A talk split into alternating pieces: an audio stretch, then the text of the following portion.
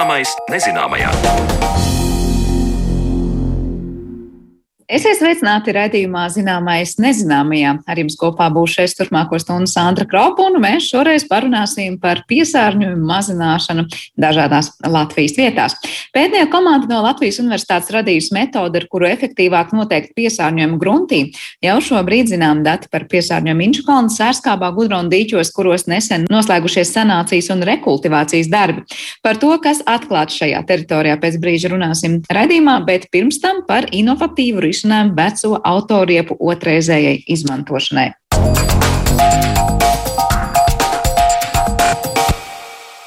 Kā atbrīvoties no lietotajām autoriepām, nepiesārņojot vidi un vienlaikus uzlabojot braucamo ceļu kvalitāti? Atbilde ir šāda - dot riepām otro iespēju pārvēršot tās ceļa segumā. Par šo jautājumu pēdējā laikā nereizi vien žurnālisti ir intervējuši inženierzinātņu doktoru Viktoru Haritonovu, kurš ir radis risinājumu riepu pārstrādēji asfalta segumā. Arī mana kolēģi Zana Lāca interesējās, kā notiek šis process un cik liela ceļa platība var noklāt ar vienu riepu.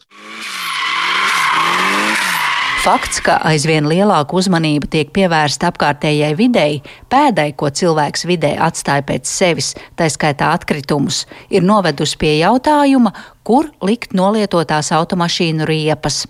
Un lūk, viens no risinājumiem - piešķirtām otro mūžu, pārvēršot riepas asfalta segumā. Viens ir riepu dzīves turpinājums citā veidolā, bet otrs - kā uzlabot esošos ceļus. Un šeit risinājumu jau pirms 15 gadiem sāka meklēt Rīgas Tehniskās Universitātes ceļu un tiltu katedras vadošais pētnieks Viktors Haritonovs, skatot un analizējot, kāpēc uz ceļiem veidojas automašīnu iebrauktās rises un kā tās novērst. Rīgas Tehniskajā universitātē jau sadarbojoties ar, arī ar valsts ceļiem, jā, jau pirms 11 gadiem sākam meklēt iemeslus. Bet kāpēc tā rīsa tik milzīga veidojas? Tas ir viens no tādiem galvenajiem bojājuma veidiem uz Latvijas ceļiem bija rīsu veidošanas, mēs saprotam, ka asfaltbetonam izmantots bitumens, kurš salīmē šķembu daļiņas un izveido šo materiālu. Jā, kalpo kā līme, nav piemērots mūsu karstam vasaram. Viņš nemodificēta veida, ja neuzlabota veida, rāda šīs rises. Līdz ar to tam bitumenam ir jāpiepalīdz būt noturīgam pret risu veidošanos. Un mēs sākam pētīt polimeru modificētos bitumenus. Mēs liekam klāt polimerus. Polimeri ir plasmasas, un mēs sākam lietot šos polimerus, un tiešām tur lēciens uzlabošanas ziņa tika sasniegts uz risu noturību. Un es domāju, mēs arī šobrīd arī redzam uz mūsu ceļiem, kad liek šo uzlabotu bitumenu modificētu ar polimeriem, un viņš ir ievērojami risu noturīgāks. Un tad lietoja polimerus. Ja? Un šobrīd, ja runājam par riepām, mēs nonācam līdz tam, ka mēs šo pašu efektu, ko iegūstam ar noteiktiem polimeriem, ne visiem, jo polimeru ir daudzveidībā, ja, varam iegūt pat pārsniegt, izmantojot riepu gumiju. Jo ko dara polimers un ko arī dara to pašu gumiju? Viņa padara bitumenu elastīgāku. Ko tas nozīmē? Tas ir nozīmē, ja karsta temperatūra, saule mums sasilst segums līdz 50, varbūt pat 55 grādiem, un bitumens saglabā šo elastību. A elastība ir tā, ka transports noslogo segumu, veidojas mikrodeformācijas, risas, bet transports aizbrauc un segums atgriežas savos sākotnējos izmēros. Ja? Tā ir elastība. Visi mēs esam staipījuši gumiju un saprotam, ka varam ievērojami izstiept, bet palaižot, viņi atgriežas savos sakotnējos izmēros. Un līdz ar to to pašu arī segums dara, ja ir modificēts bitumens, jeb šī līme, ja mēs tur pieliekam šo izteikti elastīgo materiālu. Un šeit ir svarīgi pateikt, ka mums ir arī ziema. Tur ir zemas temperatūras. Un svarīgi, lai ziema segums kļūtu nevis ļoti stingrs, Stīgs tas ir stikls, čuguns, un mēs to materiālu, kad stiklu, viņš ir stingrs, bet mēs viņu noslogojam, viņš ir neatgriezeniski pārplīst. Un līdz ar to šī stikla efektu mums arī segumam nevajag, lai viņš pie zemām temperatūram arī ir elastīgs. Lai viņš nekļūst pārāk ciets un viņš bija deformējies, rādās tas mikrodeformācijas, transporta slodzes ietekme, bet atkal, līdzīgi kā risu, atgriežas atpakaļ. gan pie zemām, gan pie augstām temperatūram. Ja? Un te kā reiz šī efekta iegūšanai, tātad polimēra vieta var arī izmantot gumiju, ja, kuru mēs arī šobrīd pētām ja, un plānojam arī eksperimentālo posmu. Sakiet, cik lielā mērā šāds jauns segums ir elastīgs, ja to salīdzinu, piemēram, ar batutu tīklu? Batūta gadījumā šīs deformācijas ir ļoti lielas, nu, cilvēka slodzes radītas, lielas, ja diezgan ievērojami. Viņš izliecas. Asfaltbetona gadījumā tie ir milimetru simtsdaļas.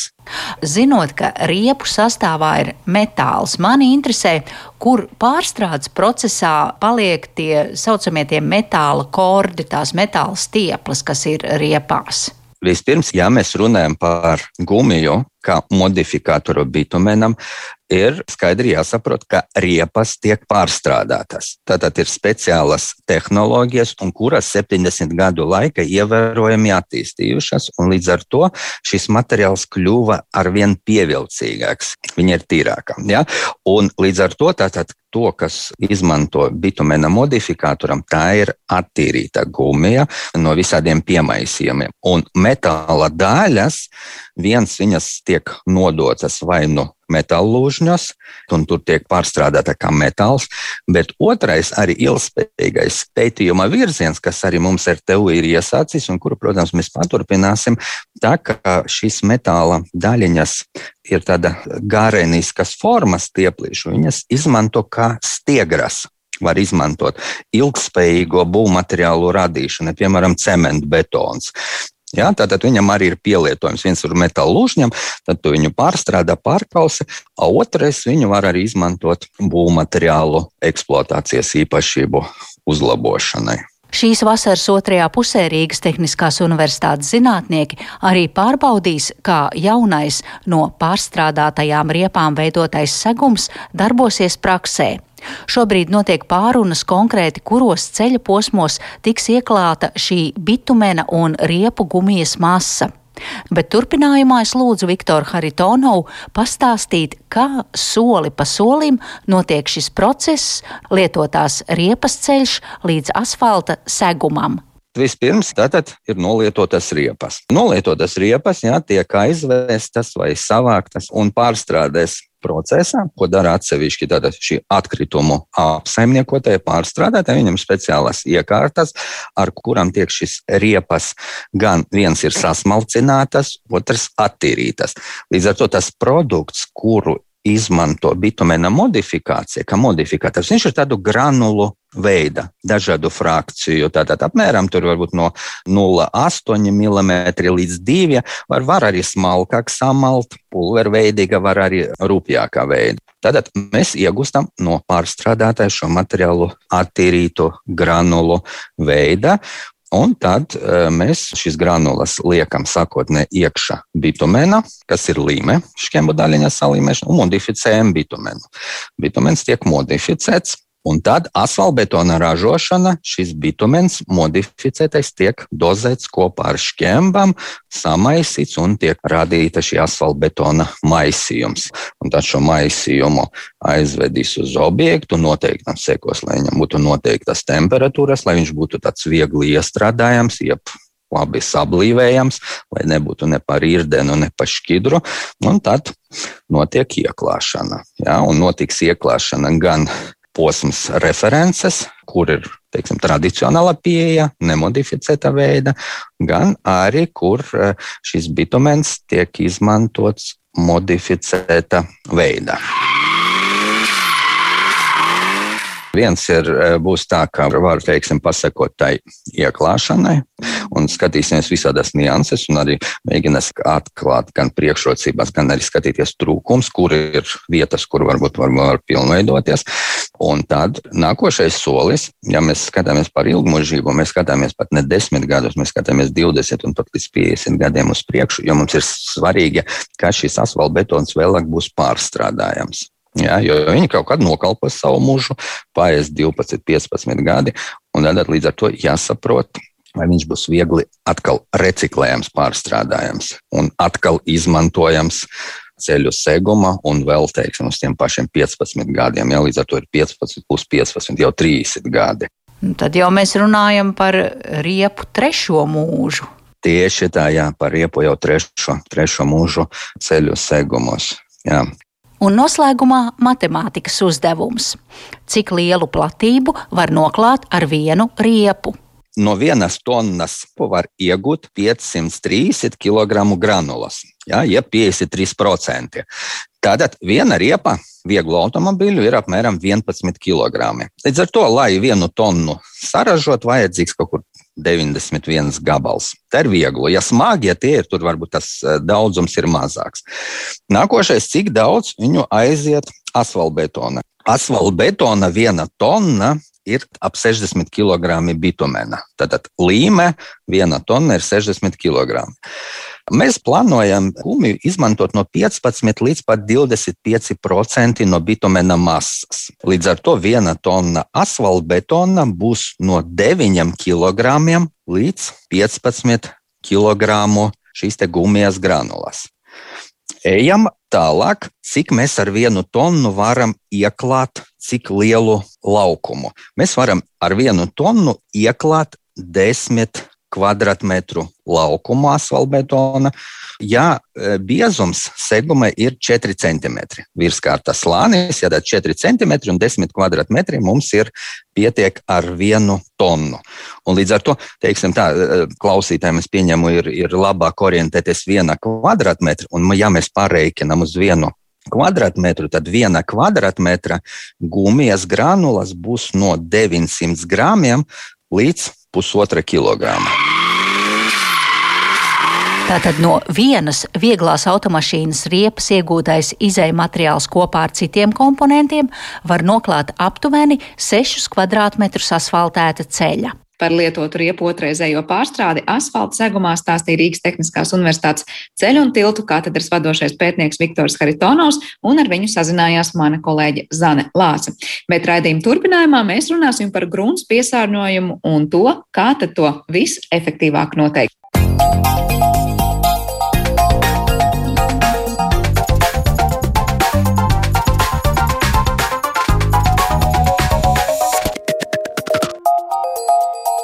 Zināmais nezināmajā.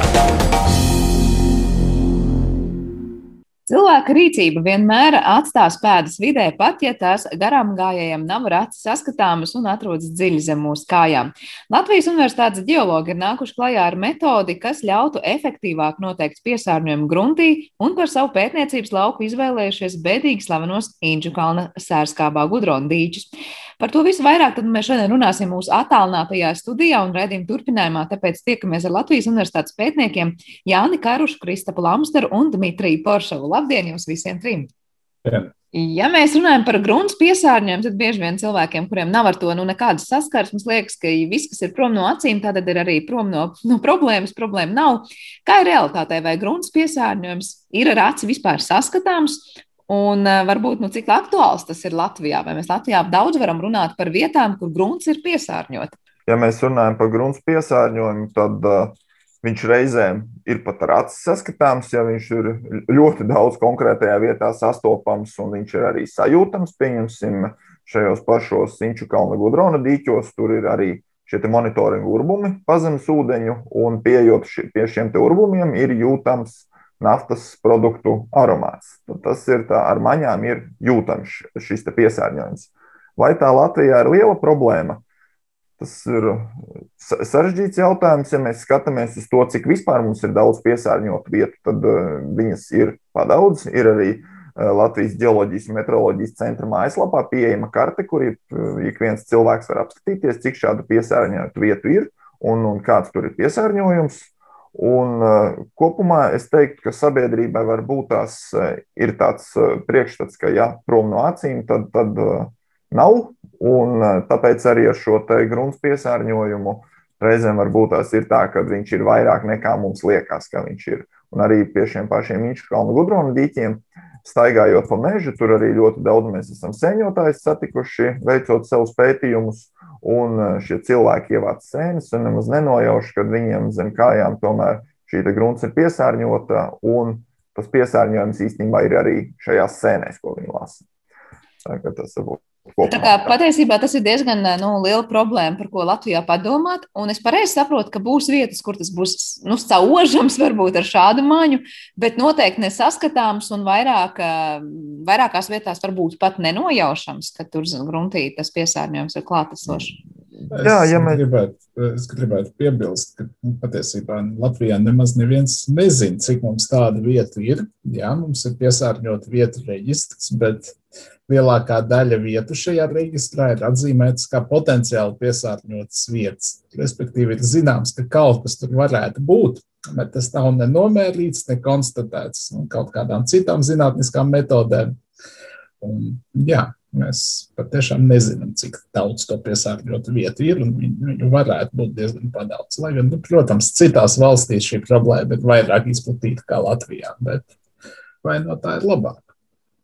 Jā, nu, protams, mērīt, kurā valstī vēl ir slikti vai sliktāk, nebūs mierinājums. Bet Jānis laikam gribēja ko piebilst arī par to sagošanu vai saredzēšanu piesārņojumu klātbūtnē. Jā, šis te pats piemērs ar eh, Inčukalnu dienvidu gudronu dīķi. Ja nebūtu šie te pazemes ūdeņu monitoringa urbumi, kuriem pieejot klāt, tiešām jūt šo aromātu naftas produktu, tad uh, nebūtu nevis mazākās nojausmas, ka tur tāds piesārņojums eksistē. Tāpat tās šobrīd ir veikta rekultivācija šo gudronu dīķu un uh, ir atjaunota, nu, nosacīta dabiskā ainava. Es teikšu, pēc gadiem, trīs, četriem, viņa būs pietiekoši apaugusi arī ne tikai ar krūmiem, gan arī kādu lielāku augu.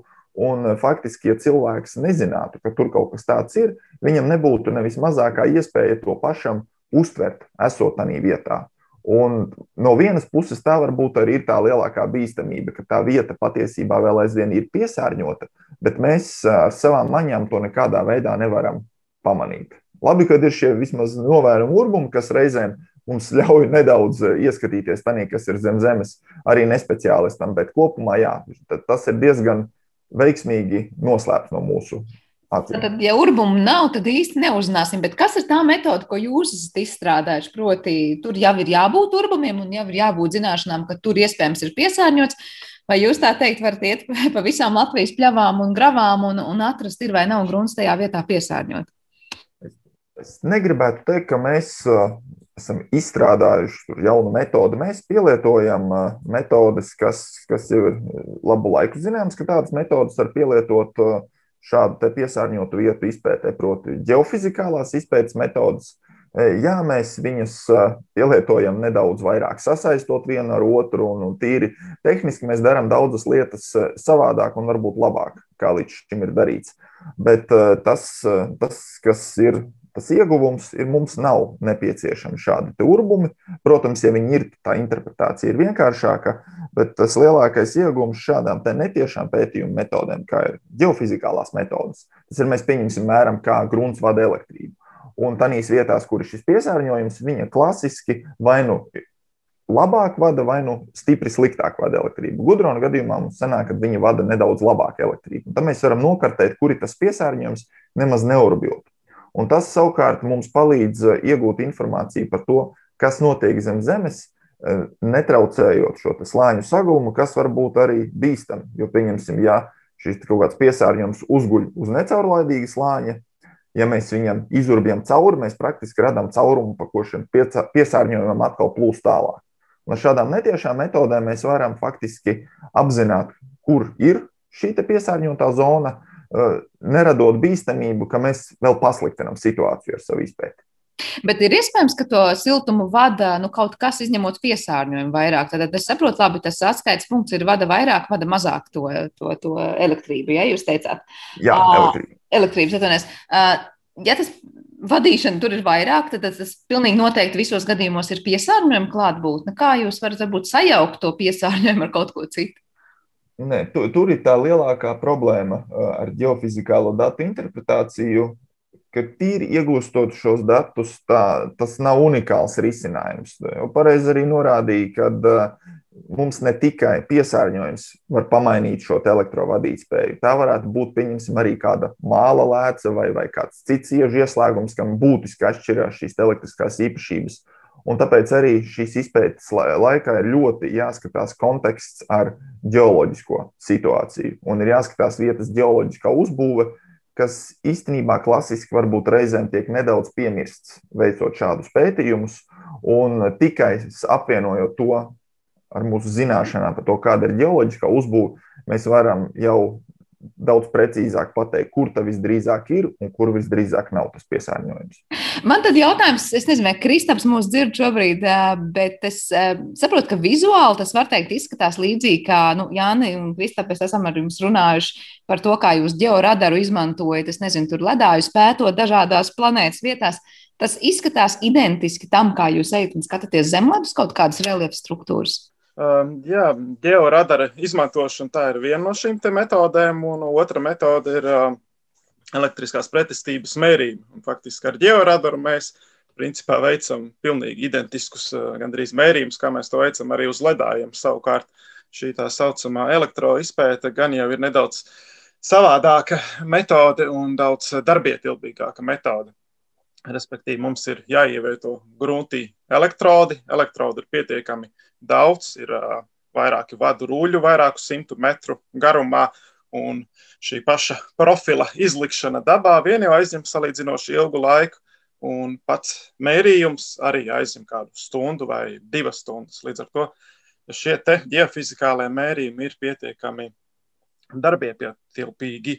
Bet, ja es vēl vēlētos varbūt arī raksturot to atšķirību papildus tam, ko Jānis jau stāstīja, kāda ir šiem geofizikāliem mērījumiem un tiem monitoringa urbumiem, kas tradicionāli tiek izmantoti, tad ir vēl tāda viena ļoti būtiska atšķirība, ka šie monitoringa urbumi faktiski ir punktveida informācija. Tātad informācija dati tiek iegūti tikai atsevišķos punktos, un lai pārklātu pietiekami lielu teritoriju, šie urbumi ir nepieciešami diezgan lielā skaitā. Un, protams, ir jānoņem arī paraugi no šiem urbumiem un jāveic salīdzinoši reizēm arī Eh, dārgas eh, analīzes. Bet eh, geofizikālie pētījumi nosec, var teikt, telpiski daudz lielāku platību. Ja mēs izrabām divus urbumus, tad ar geofizikālajiem datiem mēs varam noklāt visu to teritoriju, kas atrodas starp šiem te urbumiem. Līdz ar to būtu ļoti vērtīgi, ja šīs abas metodas tik, tiktu izmantotas um, kopā. Respektīvi, ar geofizikāliem datiem ir iespējams sākotnēji novērtēt tādā plašākā mērogā tos areālus, kur šis piesārņojums ir izplatīts, un tālāk jau ar urbumiem monitoringa ir iespējams konkrētu koncentrāciju novērtēt un droši pateikt, ka tas, kas parādās geofizikas datos, tiešām ir šis piesārņojums.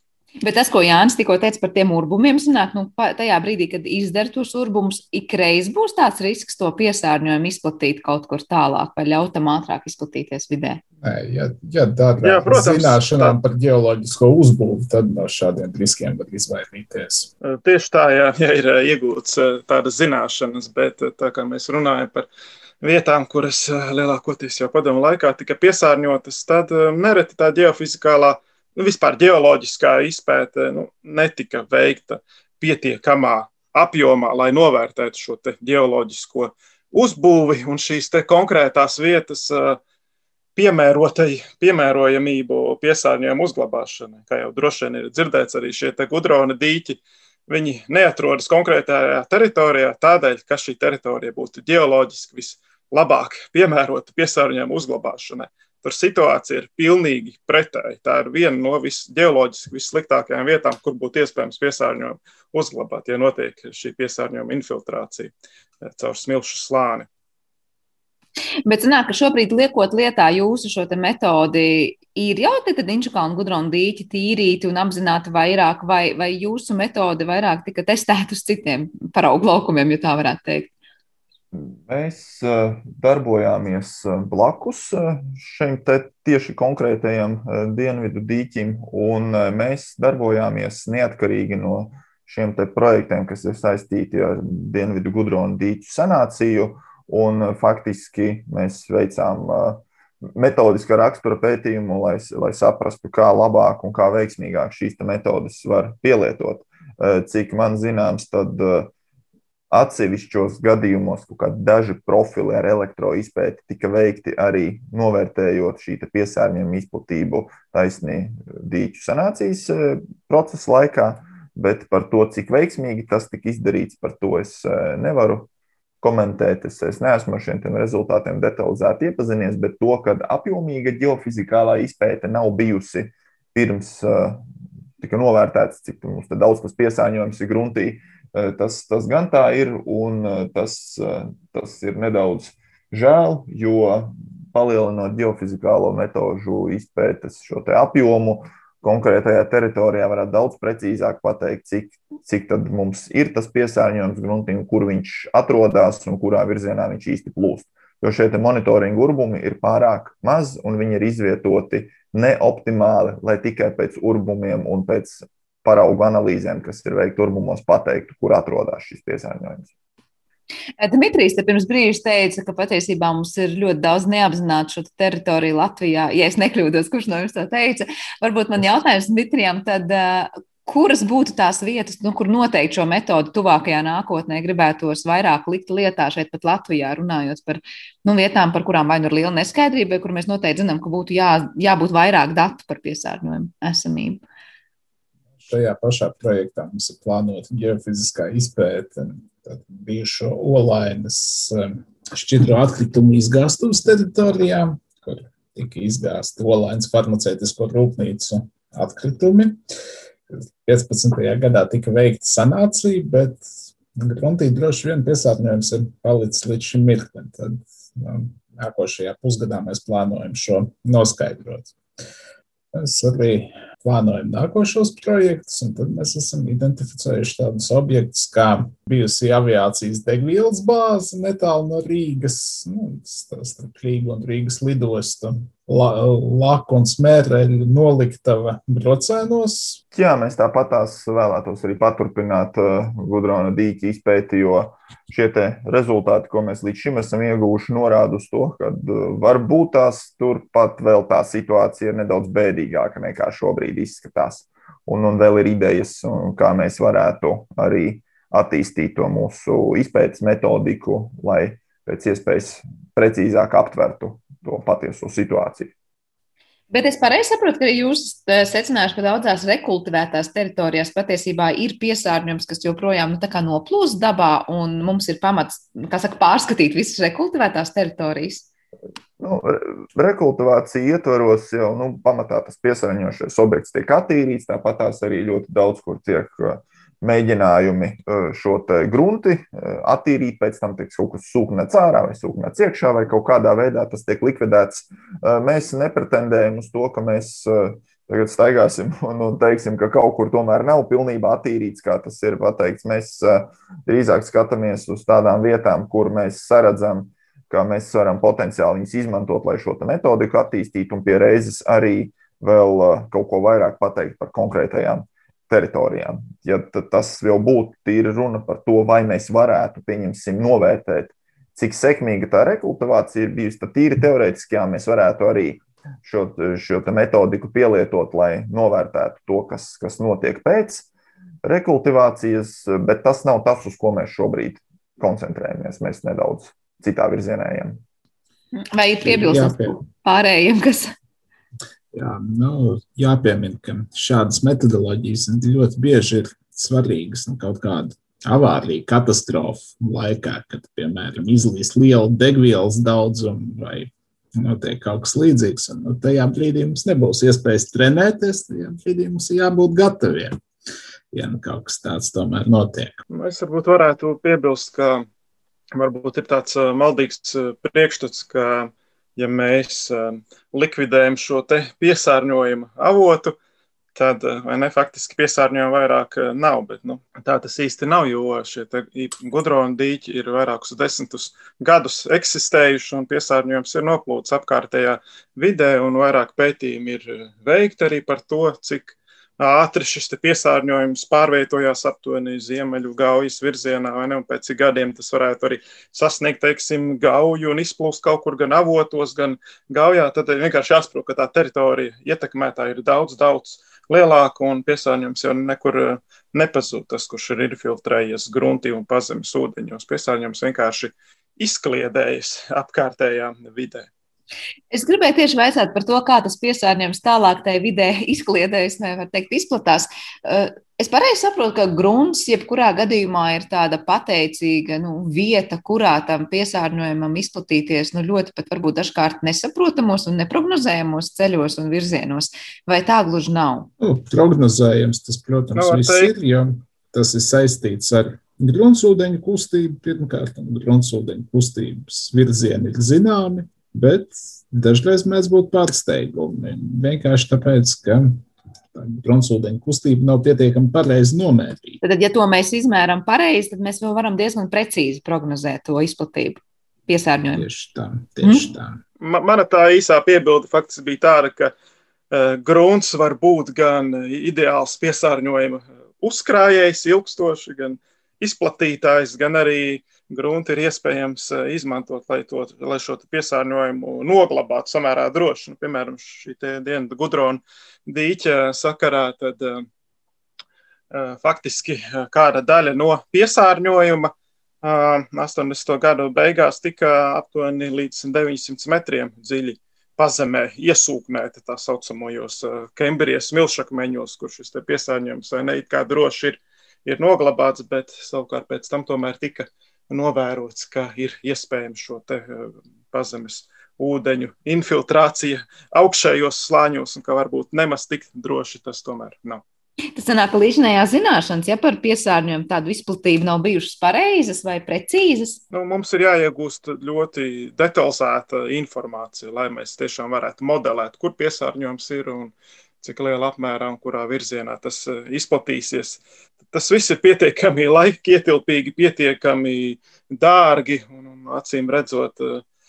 Tā, tā, tā nav bijusi tik ļoti liela prioritāte, jo jāņem vērā, ka, šis, ka šie gudroni dīķi ir viena no tādiem pazīstamākajiem piesārņojuma avotiem, kur, kur dienu dīķis ir ilgstoši bijis atsekts. Bet, ja mēs atgriežamies pie, pie pārējām potenciāli piesārņotajām zināmajām vietām, kur vismaz vairāk kā 3000 Latvijā un kur lielākoties gandrīz nekas nav zināms. Nerunājot par iespējamo piesārņojumu sanāciju un monitoringu, bet ir pilnīgi droši, ka šādas vietas eksistē lielākoties droši vien cilvēki eh, nezina, dodoties mežā, vācot sēnes un ogas kā, piemēram, smagie metāli šādā veidā var nonākt viņu organismā. Un reizēm ir žēl arī, ka tā pašvaldību attieksme, cik ir sanāca reizēm novērot, ir tāda diezgan, diezgan noraidoša pret šo potenciālo piesārņojumu, jo mēs nevaram pieņemt, ka, ja neviens mums nesaka, ka tur nekā nav, tad tur nekā arī nav.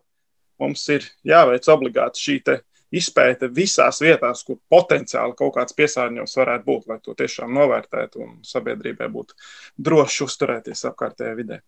Nu, šobrīd, klausoties, liekas, tāda sēņošana, nogošana ir zināmā mērā laimes spēle, un mēs pat nezinām, ko mēs uzņemam savā organismā, lasot un nogojot, nezinu, vai, vai sēņojot noteiktās teritorijās. Es esmu ievācis sēnes apkārt gudronu dīķiem, un es esmu pamērījis tur metālus. Man jāsaka, es to neieteiktu, pilnīgi noteikti. Ja, nu, es tur esmu atradis gan kadmija paaugstinātas koncentrācijas, gan dzīvesudraba, gan cinku, gan arī tādus eksotiskākus metālus, kā stronciju un cēziju.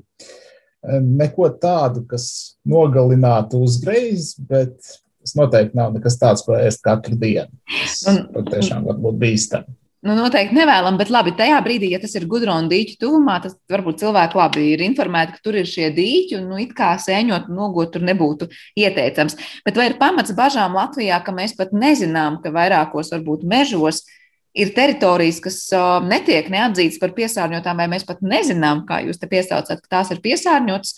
Un Latvijā ogojot un sēņojot, mums būtu pamats bažām, ka mēs pat nezinām, ko mēs īsti tur apēdam beig beigās. Nu, jā, tas, es nedomāju, ka Latvija ir unikāla šajā gadījumā. Es, es domāju, ka praktiski visās valstīs ir arī teritorijas, ko mēs nemaz nezinām, ka viņas ir piesārņotas. Un Latvijas gadījumā, kā jau minēju, tad ir šis piesārņoto vai potenciāli piesārņoto vietu reģistrs. Tad, ja ir tiešām bažas, ka varbūt ir, var pārbaudīt pirmkārt šajā reģistrā, tas, tas jau būtu tāds pirmais solis, lai pārbaudītu, kas, kas, kas un kā. Un, un pēc tam nu, ceļ, lielceļam blakus varbūt to nedarīt un tiešām izvērtēt to, vai tur potenciāli kaut kas ir bijis vai nav. Kādās pamestās uh, vecās militārās uh, zonās varbūt tās nevajadzētu nodarboties ar dabas velšu ievākšanu, bet uh, tas, tas, viss ir, tas viss ir spekulatīvi bez konkrētiem pētījumiem. Un, un kopumā jāsaka, ka jāskatās objektīvi uz to situāciju. Ja kādreiz tur ir bijis militārs objekts, nu varbūt vajag padomāt, ka pie šī militāra objekta pastāv varbūtība, ka kaut kas tomēr ir noplūdis kādā brīdī. Bet šo potenciālu vai bīstamo piesārņotu teritoriju reģistrs ir pieejams ikvienam interesantam. Jā, viņš, jā, viņš ir pieejams ikvienam, un tas, tas būtu tāds, es domāju, optimāls sākums, kad cilvēks var novērtēt, kurās vietās ir tiešām pamatotas aizdomas, ka kaut kas varētu būt ne tā, kā vajag. Mēs tagad runājam par sēnēm, ogām un visu, ko mēs saka, dabas veltes mēģinām ievākt, bet kā ir ar ūdeni? Vai ir pamats bažām vai, vai satraukumam, ka Latvijā kaut kur uh, caur šiem gruntsūdeņiem ūdens nonāk varbūt pat arī pazemes ūdeņos, un mēs dzeram varbūt piesārņotu ūdeni šo teritoriju dēļ, vai tie slāņi tur nesaskaras kopā un par to nebūtu šobrīd jās, jāstrauc? Šie ūdeņi, ko mēs lietojam ikdienā uzturā, tad uh, viss, kas ir šie oficiālie uh, urbumi, no kuriem mēs iegūstam dzeramo ūdeni, viņiem tāpat ir jāveic analīzes, un šim ūdenim ir jāatbilst uh, kritērijiem, kas nosaka to, ka viņi ir droši. Tad uh, viss, kur oficiāli tiek iegūts dzeramais ūdens, tur teorētiski šādām problēmām nevajadzētu būt.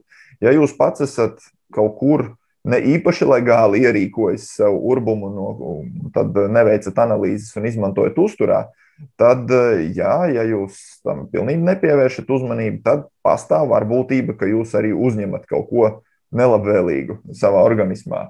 Bet tā, ka mums visā Latvijā gruntsūdens vai pazemes ūdens piesārņots, tā teikt, nevajadzētu. Tam būtu jāpaiet vienkārši no, no tā, kā to regulē mūsu normatīvi akti. Ja jūs izmantojat kaut kādu ūdeni dzeršanai, kas nāk no pazemes, veikt atbilstošās analīzes, un, un tas ir drošākais veids, kā to risināt. Tā kā nedaudz nomierinājāt, jo vienā brīdī klausoties, liekas, mēs taču nezinām, kas ir zem mūsu kājām. Varbūt tur viss ir piesārņots un mēs par to nespējam kontrolēt. Bet pamazām noslēdzot šo sarunu, vai jūs varat izstāstīt, saprot, ka jums ir arī starptautiska publikācija par šo visu, un vai šādu metodi, nu, kā jūs teicāt, jūs neizdomājat no jauna, bet pielietojat, izmanto arī ārzemēs un citu, citu valstu pētnieki šādi tieši piesārņojuma noteikšanai gruntī. Jā, mēs uh, esam sagatavojuši jau, jau nopublicēta viena publikācija, un, un top vēl vairākas. Un, uh, jā, mēs, mēs izmantojam kaut, kaut kādā veidā šīs metodas kombinācijā, kas varbūt tās uh, nav darīta līdz, veikta līdz šim, un tā interese, es pieņemu, būs arī plaša no ārzemju kolēģiem ja mēs tā apskatāmies, tad uh, teorētiski šādi pētījumi ir veikti un ir, it kā ir skaidrs, kā to visu darīt. Šīs publikācijas nemaz nav tik daudz. Un tad, kad jums jāķerās kādas vietas izpētēm, tad nu, kā tam mēs īsti darīsim? Tad uh, nav ļoti daudz literatūras avotu, kur ir detalizēti aprakstīts, kas un kā ir jādara. Un tieši tāpēc arī šie pētījumi, ko mēs veicam, ir, es domāju, uh, pietiekoši vērtīgi ne tikai Latvijas uh, zinātniekiem un sabiedrībai, bet arī starptautiski, jo mēs, mēs cenšamies parasti savās publikācijās diezgan detalizēti aprakstīt, ko, kā un kāpēc mēs darām. Un faktiski tad uh, citu valstu uh, pētnieki un, un, un arī kādu vidas aizsardzības organizāciju pārstāvi var, var iepazīties ar šiem materiāliem un teikt, gūt priekšstatu par to, kā to varētu mēģināt labāk izdarīt. Tā kā kaut kas unikāls, var teikt, un daudz nu, jauns un pielietojams arī citiem varētu būt interesants šis konkrētais paņēmiens. Uh, Dmitrija Kristapa, vai jūs gribat ko piebilst par to, kā tas viss ir izpētīts, kā esat līdz tam nonākuši un kādi ir tālākie soļi? Jā, tā tad es varbūt atgādināšu, ka šobrīd mēs īstenojam Latvijas Zinātnes padomas projektu, uh, Un nu, šī projekta arī ir finansējums piesārņojuma pētīšanai. Projekts saucās kompleksu geofizikālo datu integrēšanu, izmantošanu grunts piesārņojuma kartēšanā. Un, nu, faktiski jau atkārtojot Jāni, tad jāsaka, šī metode salīdzinoši jauna priekš Latvijas. Var, kaut kur varbūt atsevišķi ir kāda no šīm geofizikālām metodēm izmantota, bet tas mūsu pienesums ir kombinēt šīs te metodes, lai iegūtu maksimāli detalizētu informāciju. Pirmkārt, jau par teritorijas geoloģisko uzbūvi, geoloģisko struktūru, lai mēs varētu izslēgt kaut, kādas, kaut kādu dažādu slāņu ietekmi uz, uz rezultātiem. Un, uh, Tālāk metode tiek izmantot, lai šo piesārņojumu novērtētu. Un eh, Dmitrijs jau droši vien minēja par tālākajiem soļiem, tā ka šī joma ir ļoti aktuāla. Tad, protams, mēs jau gatavojam arī nākamos projektu iesniegumus, lai šajā projektā aprobēto metodi varētu jau izvērst un pielietot tajos bīstamākajos pārējos piesārņotajos objektos Latvijā.